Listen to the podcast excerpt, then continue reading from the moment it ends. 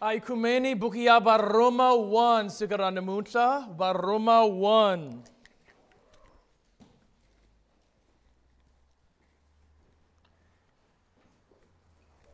Itakile kubona munu unwani unwan Vayeni labahumaka ijoni van labahumaka river plats Bukota Chavani Bokisi miamukele kile. Namunla hitajiona Baruma 1 verse 2. Baruma 1 verse 2.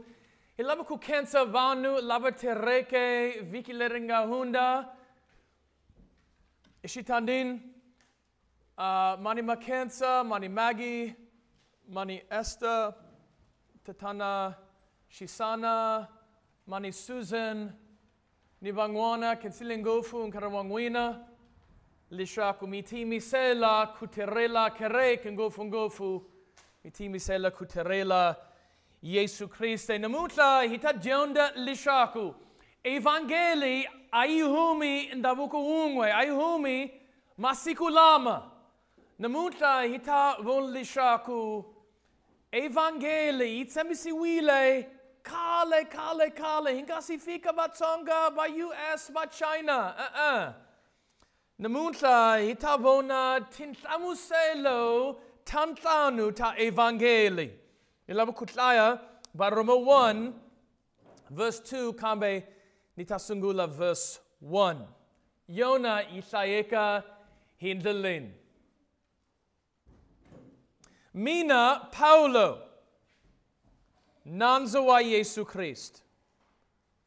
Nzinga vitaniwa kuba muapostola. apostola nzihlawuriweke kutivisa evhangeli leyi xikwembu a xi tshembisile vanhu khale hi vaprofeta va xona ematsalweni layo kwetsima loko xi nga ringanisa hi n'wana wa xona yesu kriste hosi ya hina a hi tshipeni a hi kongeleni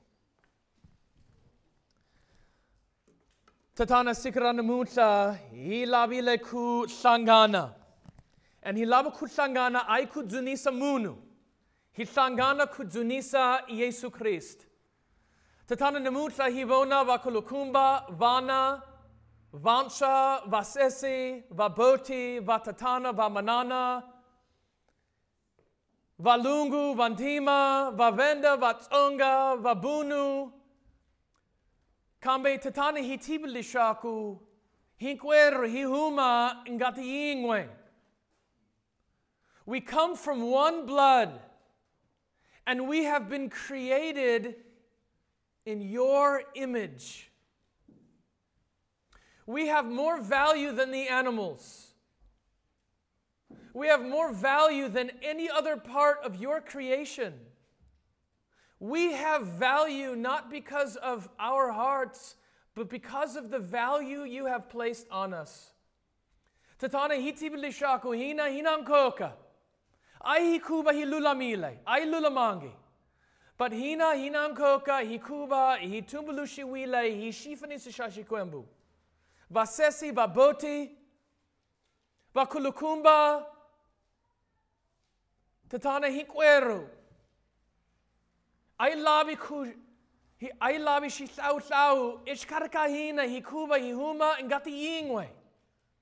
And tatana namutla. He kumbil lishaku. Mihani samathriya hina. Lishaku. Hingativa evangeli. Kunabotala. Sikra namutla. Vajonna hina. Himasiku. Many here today learn your word daily, weekly with us. And yet, abasiponisiwa. Ta tana namutla hi kumbildi shaku uchincha timbultahina. Father, for those who are sick this morning, abat fukangi, ni kumbildi shaku bahola. Itibil lishaku awitsemisangi lishaku utahorisa mun unganungwana. Hitibil lishaku minkariotala makombo mahuma kuranakawena. Kuranakawena ilishaku hibabiseka, hishaniseka.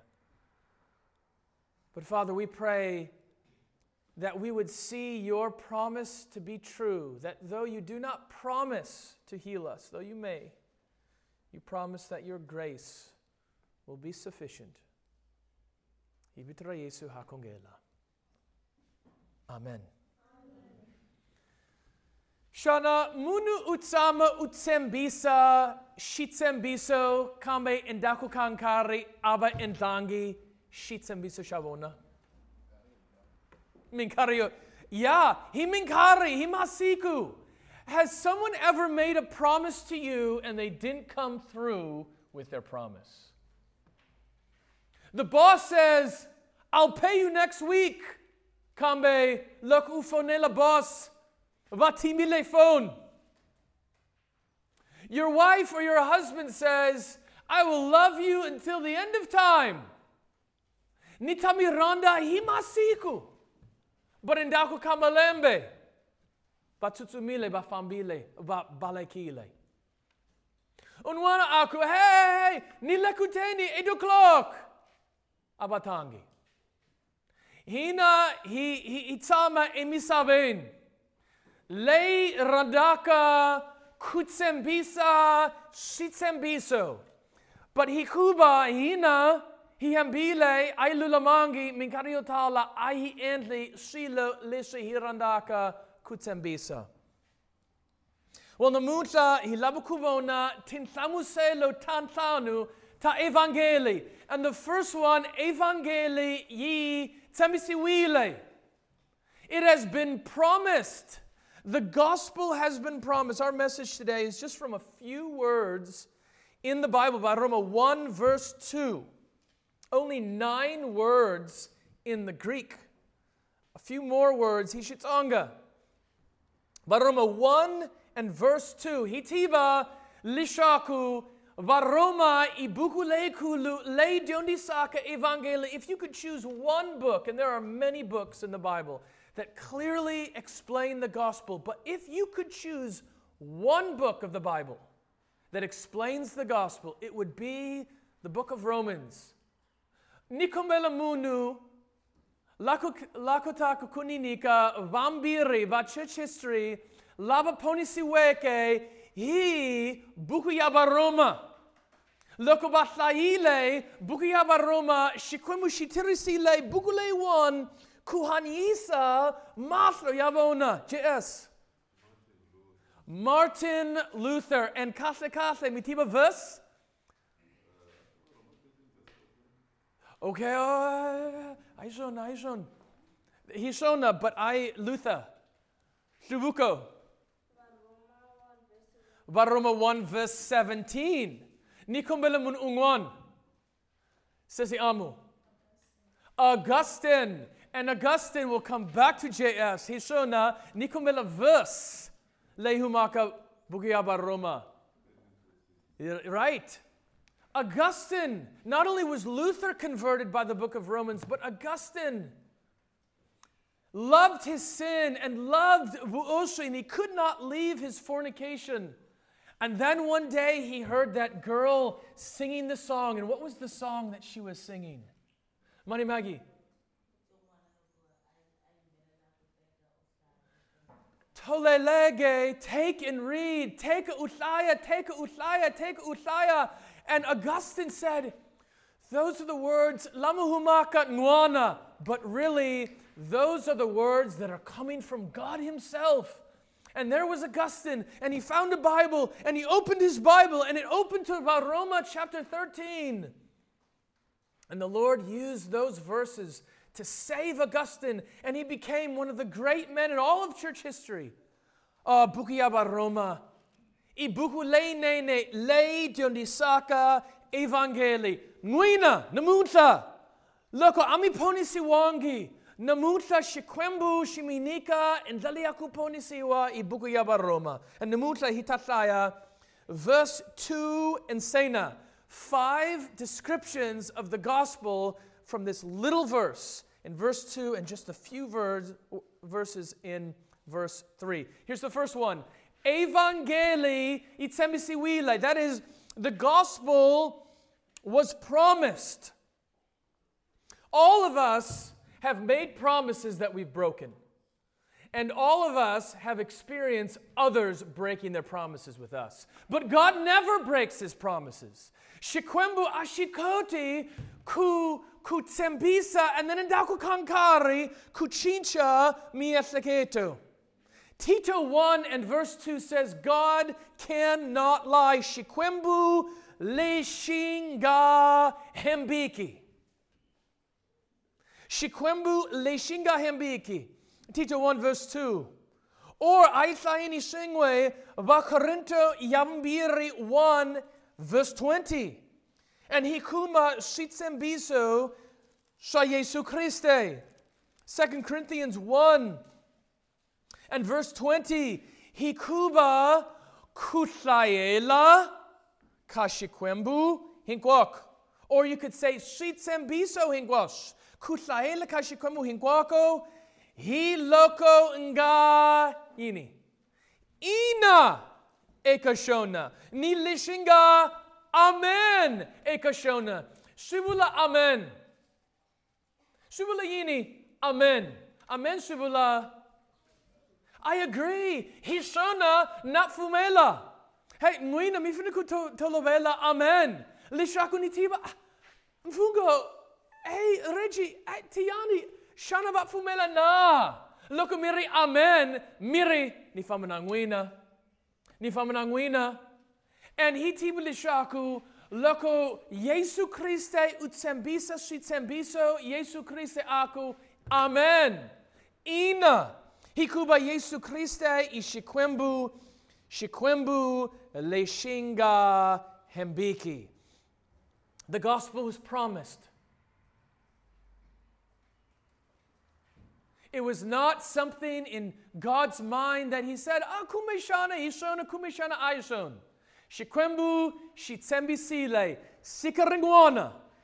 Nitarumela, Yesu Christe, hikuba JS, angakoti ku tiponisa.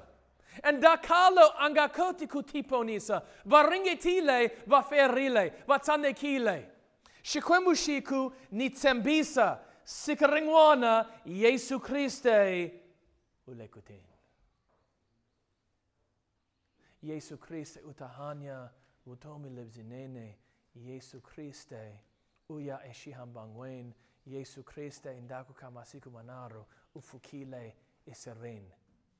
i evangeli imahungu lamanene itsemisiwile awufanelanga kuhlamala awufanelanga kudauta kukanakana shana evangeli ntiyiso na sikaringwanloko ungene univen unisa uj vataala evangeli vataala bibele vatakubzela bibele ihuma vanu nashon lishaku wena uhuma shihari aishon icemi si uilej. Shabëmbiri. Evangeli icemi si uilej, shabëmbiri, evangeli icemi si uilej, kale. The gospel was promised long ago. This is not a new message. Bonani verse 2. Lei shikwembu. Now in Chini, lei. Evangeli. Evangelii lei și quembu a și yi tsembisile vanu reni. Kale. Kale. This is not a new message. Now, for some of you, it is a new message because you've never heard it before. But this is not a new message that we're teaching. Hey, Evangelii ficile Africa rini. Maybe malembe ya 300 lamagahunda. Or maybe three, 400 years. Some African countries, 50 years. And some people say, Hikwalau Kaini, Africa is poor. Why is Africa poor? And other countries are much more wealthy. Here's the answer because the gospel has not grown deeply in this nation. Kufana matikumangwon. matikumangwana manikuila evangelikale kale kale ngufu ai africa and that's why hina hifina kuteka goza kuhangalasa evangeli evangeli inikuila kale bangwana abasi abatangi and in tiruahina ikudiondisa evangeli it was given long ago it was given when there were no cultures because it was given to Adam and Eve. Ah, bibele yuma ah, Balungu, ah, Bebele Yehuma, Matigomangwan. Aí schon, ne? Aí schon. Bebele na evangele ihumile kale shikwembu in the Garden of Eden. Some people accused Paul of this when Paul preached the gospel. They say, ah, oh, wena, jondo le luaka ni, ni, ni tico. Timaka 21, verse 28. Paulo udiondisa diondo lei luaka nitiko. And bangwana ba etliketashona. You're teaching a message against our culture or against our country. Aishona. Evangeli yitsemisiwile kale. Hingasi fika ba US, ba South Africa, ba Shona, ba China. Eh eh. Inikiwile kale. I'll give you an example. Who knows imani lativaka evangeli yosungula ebibelin? Evangeli yosungula mani magiqui ebibelin. Aishona kale kale kale kale. Who knows where the first gospel is found in the Bible?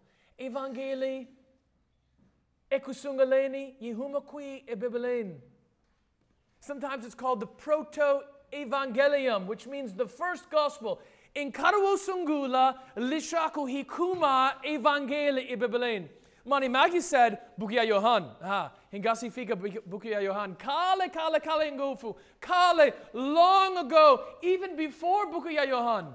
Bukia Johan is wile melambia 2000 among hunda, but it's way earlier than 2000 years old. But he reg. Before we get to Isaiah, even farther back than Isaiah. Mani magi Yohan ndaku. But it regi Isaiah. Ah, keep going. Ndaku. Mani magi mi chinchila mi elteged. Ringete nakambe. Ah, before Exoda, ma fa mi amatrein. I Isaiah, I, not John. I Isaiah, I Exoda, just keep on going. Okay, my man, lawman. Okay, Genesse, but Nilaba chapter now verse. Mitiba? Chapter 3, we're getting closer. Genesse 3, verse, verse. This is called the first gospel. Genesse 3, verse 15. Aisaini. Aisaini, the first gospel. Genesse 3, verse 15. This is not a new message, this is an old message. Genesis 3, verse 15. Now, Shivutis, imani lavulubulaka, verse 15. Who is speaking in verse 15? Wilahenta? Shikwembu, right. Nzi, Nzi iman. Shikwembu, minamina? Genesa 3, verse 15, Genesa ibukio sangula ibibelain. We're in the first book of the Bible, Genesis chapter 3, verse 15. If you're not there, find it. And it's great to see so many boys in the front row with their Bibles and pens and notebooks. Genesa 3 and verse 15, Yiri, Nzi ta veka. Kuvengana ishkarakawena ni one sati. Vonan.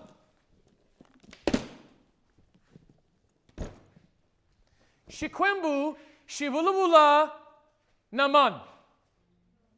Imaniwena nzitabeka kubengana ishkarka wena na wansati. Wansate, wansati i Eva imaniwena. Mani Maggie. Ja, ah, oké, okay, oké, okay, oké, okay, oké. Nyoka barangov ngov. Ai Adam. Satan. Shikomushiku. Nitaveka kubengana. I'm going to put hatred. I'm going to put enmity. I'm going to put nyimpi. Ishkaraka wena satan. Nayena wansati eva. God said there's going to be hatred between Satan and between the woman. Hiya mahrain, verse 15. Ni ishkarka rishaka rawena, ni rishaka ra wansati. Imani rishaka ra satan. I will put hatred between the seed of Satan and the seed of the woman. Imani rishaka ra Satan. Wajohi Hishona. Labanga punisiwangiki. Johanna 8 verse 44 says, We are all children, hina mwina mihuma ekatatuangwina anga diabolos. John 8 44 says, We are all children of Satan. And God said, I'm going to put hatred in between Satan's children, which would be us, that is, sinners, before we are converted, and the child of the woman. Who's the child of the woman? Immanuel. Manimagi. Jesu Christ. Shikwemu shiku. Nitaveka kubengana ishkaraka. Lavanga ponisiwangiki. Na Jesu Christe. Here, Mark Rain, verse 15. verse 15, Ri ta ku faya and soko. Hey, ingisalan. Imani ri. Imani ri. Okay, rishaka, but imani ri, katle He said, He will crush his head. Imani ri. Money Maggie, me clarily and go from the moon. Money Maggie, look at this. Uh, hey, Vansha, me finna fan, me finna fan na Money Maggie. Jesu Christ. Look who dry and nyoka. Went to yini. Oh, uhosha ribs. Eh, no. We take a spade. Wafaya. And soko. And soko. Yanyoka. Jesus Christ would crush the head of the serpent. And watch this, verse 15. Wena, Imani Wena, Imani Wena, is Satan, Wena Uri Luma Shireze. Shireze. Okay, Satan utabanyana Yesu Christe. Qui, Eshihambangwen. But Satan angadayangi Jesu Christe, finally. Satan ubilenyani Jesu Christ. But Jesu Christ utafaya tlokia Satan. Look at that. Genesis 3 verse 15. Kale evangeli itsemisiwile kale. Not a new message. Genesis was written thousands of years ago. And so Demutra Lokum i twile evangelin karo sungula hitsa kile. Landele Jesu Kriste, but minga elteken di shaku sil lisha hisi diondi saka. I diondo le incha, I diondo le incha. I humele kale kale kale ngofu bukuya genesa. Love your culture. There are many great things about Tsonga culture. Tolu, Etiani, Manifaida, Vaambarile, Shibelana, Hikubavayeni Varikona, and Manifaida, oh Bonani, ah Shibelana Shamina, Shisasekile. Hey, Nguina, Mingarana Vusha, Mingarana Shibelana, Mingaranda Vaka Shitsonga. But don't love your culture more than the gospel. Hikuba hinkwash indenika ndabuko ashisase kangi. Shingwana shisase kile kense shikwembu. But I hingwash. So hina hifnikulandela evangeli kutlulandabuk. Number three. Evangeli yi niki wile he va profeta. Tlelendaku ba Roma 1. Ba Roma 1 verse 2. Lei shikwembu ashi tsembisile vanu kale he man. Und dann in Vers 2, he man war Propheta. Third point, the gospel was given by the prophets. What can we learn from this? We can learn two things. Number one, God does not give the gospel by shouting it from the sky. Nguina, milabilishaku kokwana, vamakelwan, vangana, milabilishaku vata, evangeli mahungulamanene. Lokambashilaba, vanu, vafanakubula evangeli. Oh, ah, Buddy Paul, oh, Buddy Paul. Ah, butala ah, ishkolwen, abatibin ah, truma indila yakuponi siwa.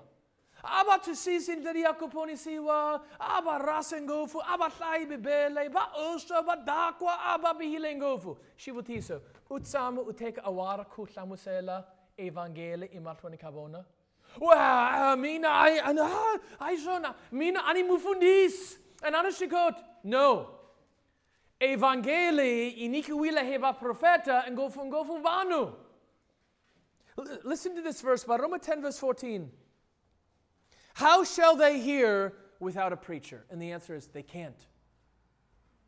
Vata ti tibisa kuyini, vata ti tibisa kuyini loco mudiondisi angaricona.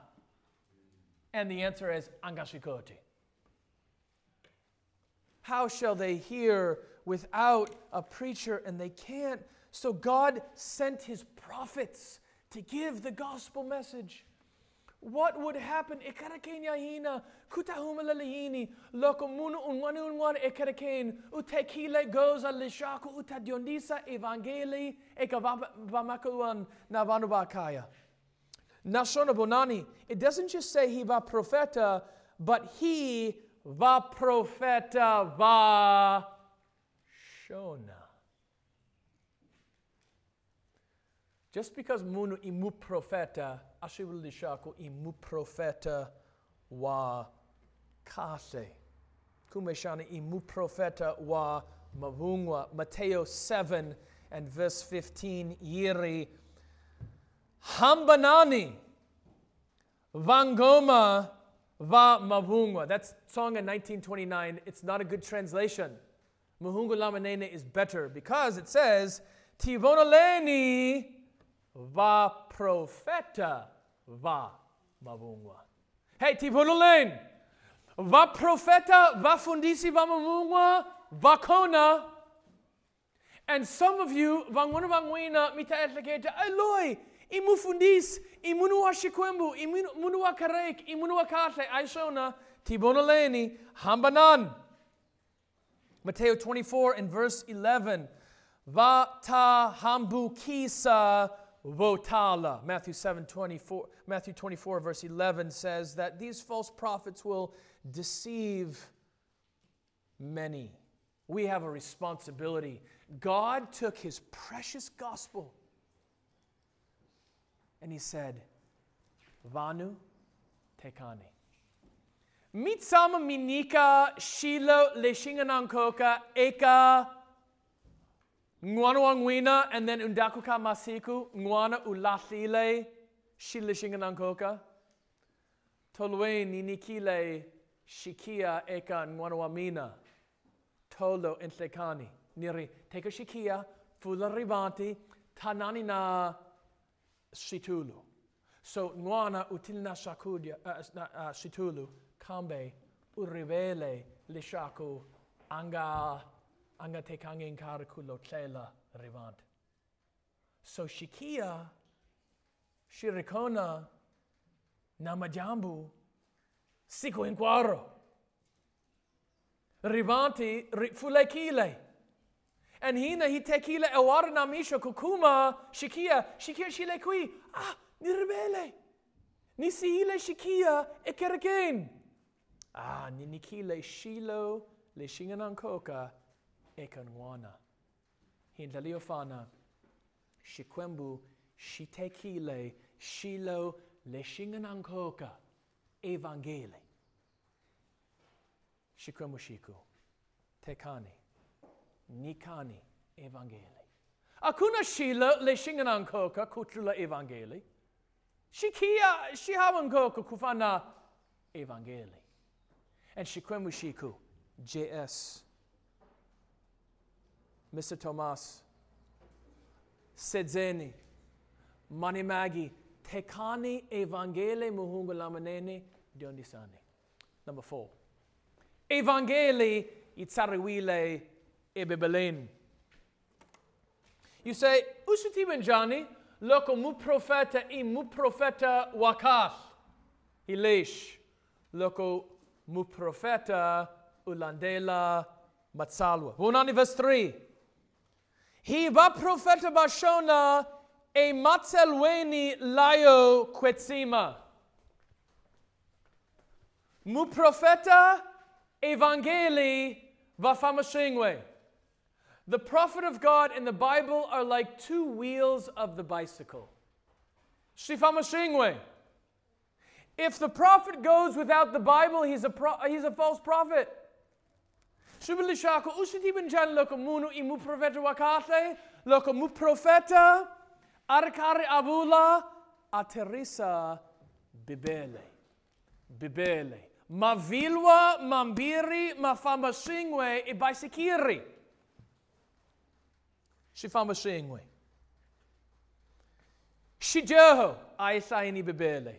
Makiandangu, aisaini bibele. Makia Bukati, Aisayani Bibele. Ahisniku and Laini, Hitama Demona, Aisayani Bibele. Mali, Aisayani Bibele. Shakudia, Aisayani Bibele. Intiro, Aisayani Bibele. Hitaku ponisiwa, Aisayani Bibele. Makia Shikongelo, Aisayani Bibele. Bibele, Bibele, Bibele. But ba profeta votalama sikulama ba endlayini. But fula kerek, Vanubatsama, mu profeta, kumeshana, uteka 10 seconds, kutaivasi ingwe, ubeka hansi, and uyamatwe kudiondisa, shilo leshihumaka, mielkodiayena. I mu profeta wa mabumwa. Number five. Evangeli, ye chakusa Yesu Christe. Buon anniversary. The gospel exalts Jesus Christ. It lifts up Jesus Christ. Not only is it written in the Bible, but it exalts Jesus Christ. Look at verse 3. Lokoshiringanise hingwana wa shona. Jesu Christe. Oh, it is painful for me to hear some people try to explain the gospel and they don't mention Christ. That is not possible. The gospel without Christ is like a house without a foundation. Evangelii cum gari Iesu Christe iindru cu gari masungulo. It's like a, a car without an engine. It's like the sky without the sun. It's like a school without children. It's like a refrigerator without food. Evangelii kame ku haba Jesu Christe asikoteki. Jezu Kriste, Jezu Kriste, Jezu Kriste, Evangeli, yitakusa Jezu Krist. Shara wenu utamu uponisiwa, then loku uponisiwile, ekusungaleni utamusela imini mujohi, kame Yesu usasekile, mina nibihile, Yesu usasekile, Yesu ulehenta, mina nilehansi, i Evangeli. I want to give you three places in the Old Testament – We said Evangelii Itsemisuile Kale. I want to give you three great places in the Old Testament where we find the Lord Jesus Christ exalted. Let me give you three places. Number one, Tinthayo 21, verse 6, Kufika 9, Aikumen, Numbers 21, verse 6, Kufika 9. Jesus Christ is all over the Old Testament, but let me give you three great examples where we find Christ in the Old Testament.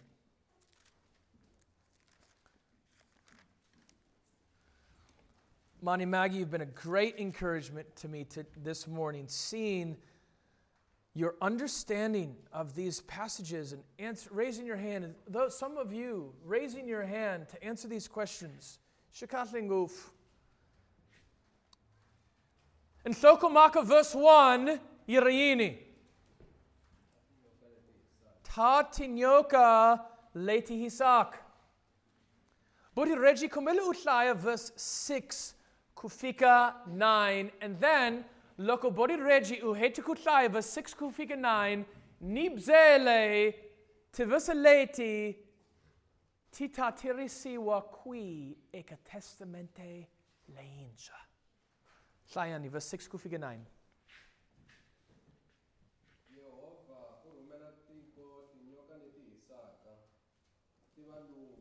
Okay, va Israel, va Diohilingofu, shikwemu shilabaku abanyisa, va Israel, shikamushiku. Okay? Ba Israel, nitaminika, tinyoka, leti, lumakavanu, and botala. Vataiwile, vai abenisiwile, hi shikwembu. Miamatwen.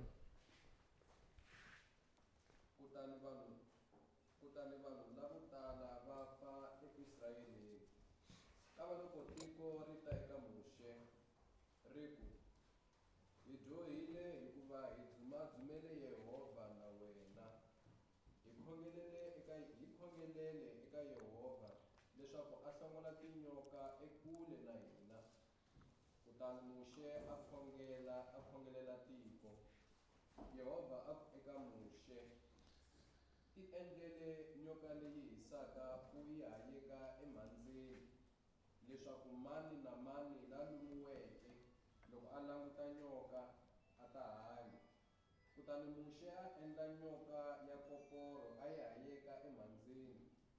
kutani ku te loko munhu a lumiwile hi nyoka a languta nyoka ya koporo Shubalin, Shubilishaku, Botalaba lumiwile hi nyoka, Shesh Vafa.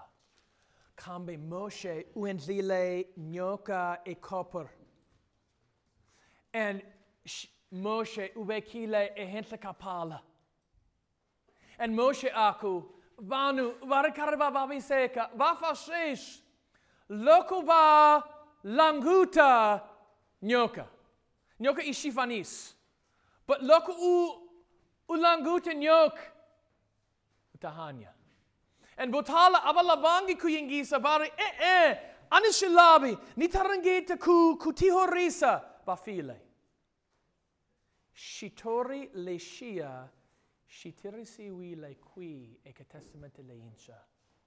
Where do we find this story in the New Testament? And I'll give you a hint it is close to the most well known verse in the Bible. Pamfungo? Oh, okay. Okay. Mitiba Buku?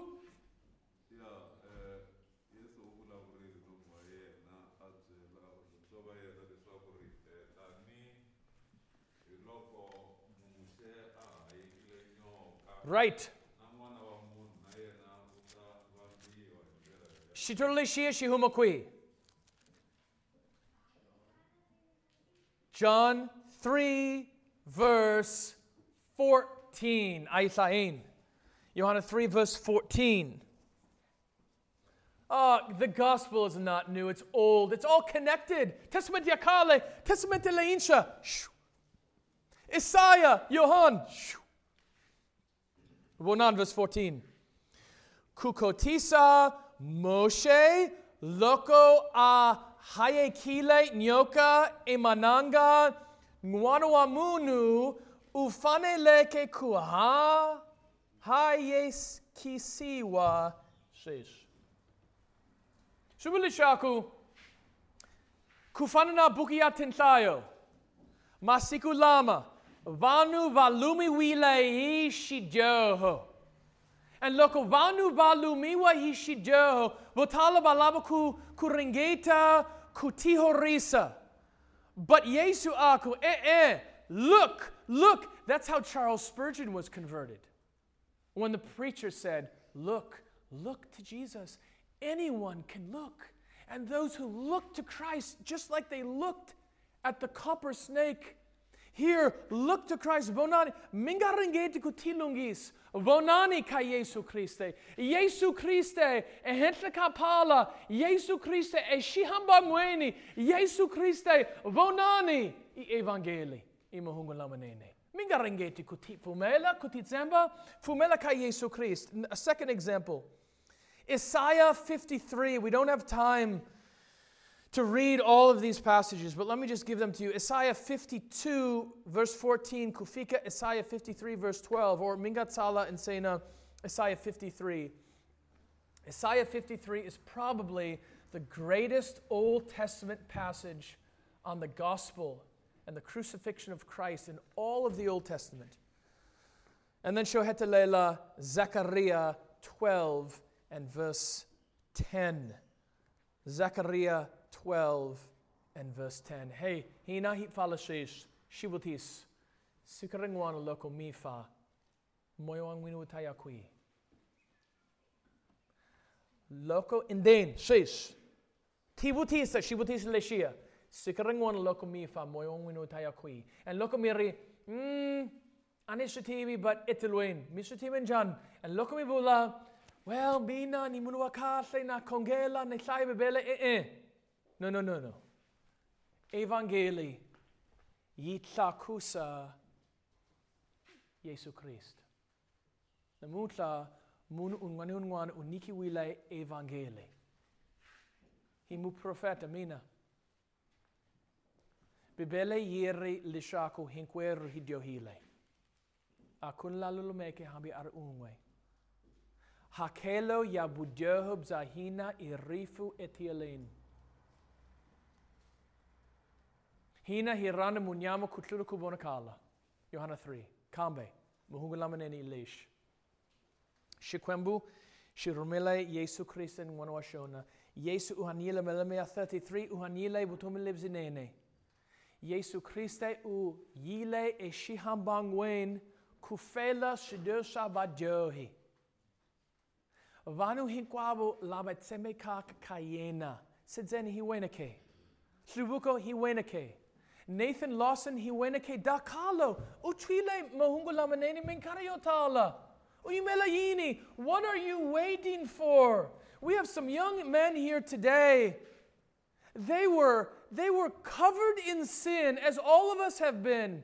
And if we had time, they could give their testimony. And they were, they were following all the desires of their own hearts and they loved their sin. And then what did they do? Vai mille cutifumela, cutilungisa, en vavonili, va, vavonile, va langutile, vavonili shaku Jesu Christe, vonani Jesu Christe, vonan wataosi Jesu. And they look to Christ, look to Christ today. Trust in Christ alone, 100% Christ. If you give your testimony, ehadlaka Jesu Christe, en ulama kutizunisa, sikaringwana, uya etialain kutani un'wana un'wana langa kaanga kumiwanga atsariwile ebukunyabutomi ahoshiwa etibeni randilo you will be cast into the lake of fire but there is hope there's hope for you and that hope has been promised ebibeleni hinkwavo lama pfumelaka ka yesu krist va tanikiwa vutomi lebyi nga heriki aitsipeen aikongaleen. Tatana nikombel lishaku munu ungwai namutla. Langa ponisi wangiki nikombel lishaku ai munu ungwai namutla utatsika namutla ekerakeen kukonza. Watsama na munu la kutaka kunwiyisa ekuponisi wen. Butalabatlanga ebutongwin. Vad sembă lișacu nămutla ai sicorohetelele ravona. O, tatana nămutla, poni sani, vad jehi votala, lișacu, vata cinciwa, vata cuvăriwa, vata landela, Jesu Christ. O, Father, give us va Christe lavancia, va Christe vamampela, lavarandaca, cufumela, eca evangelii lei sembisiueke. Hii vitra Jesu hakongela. Amen.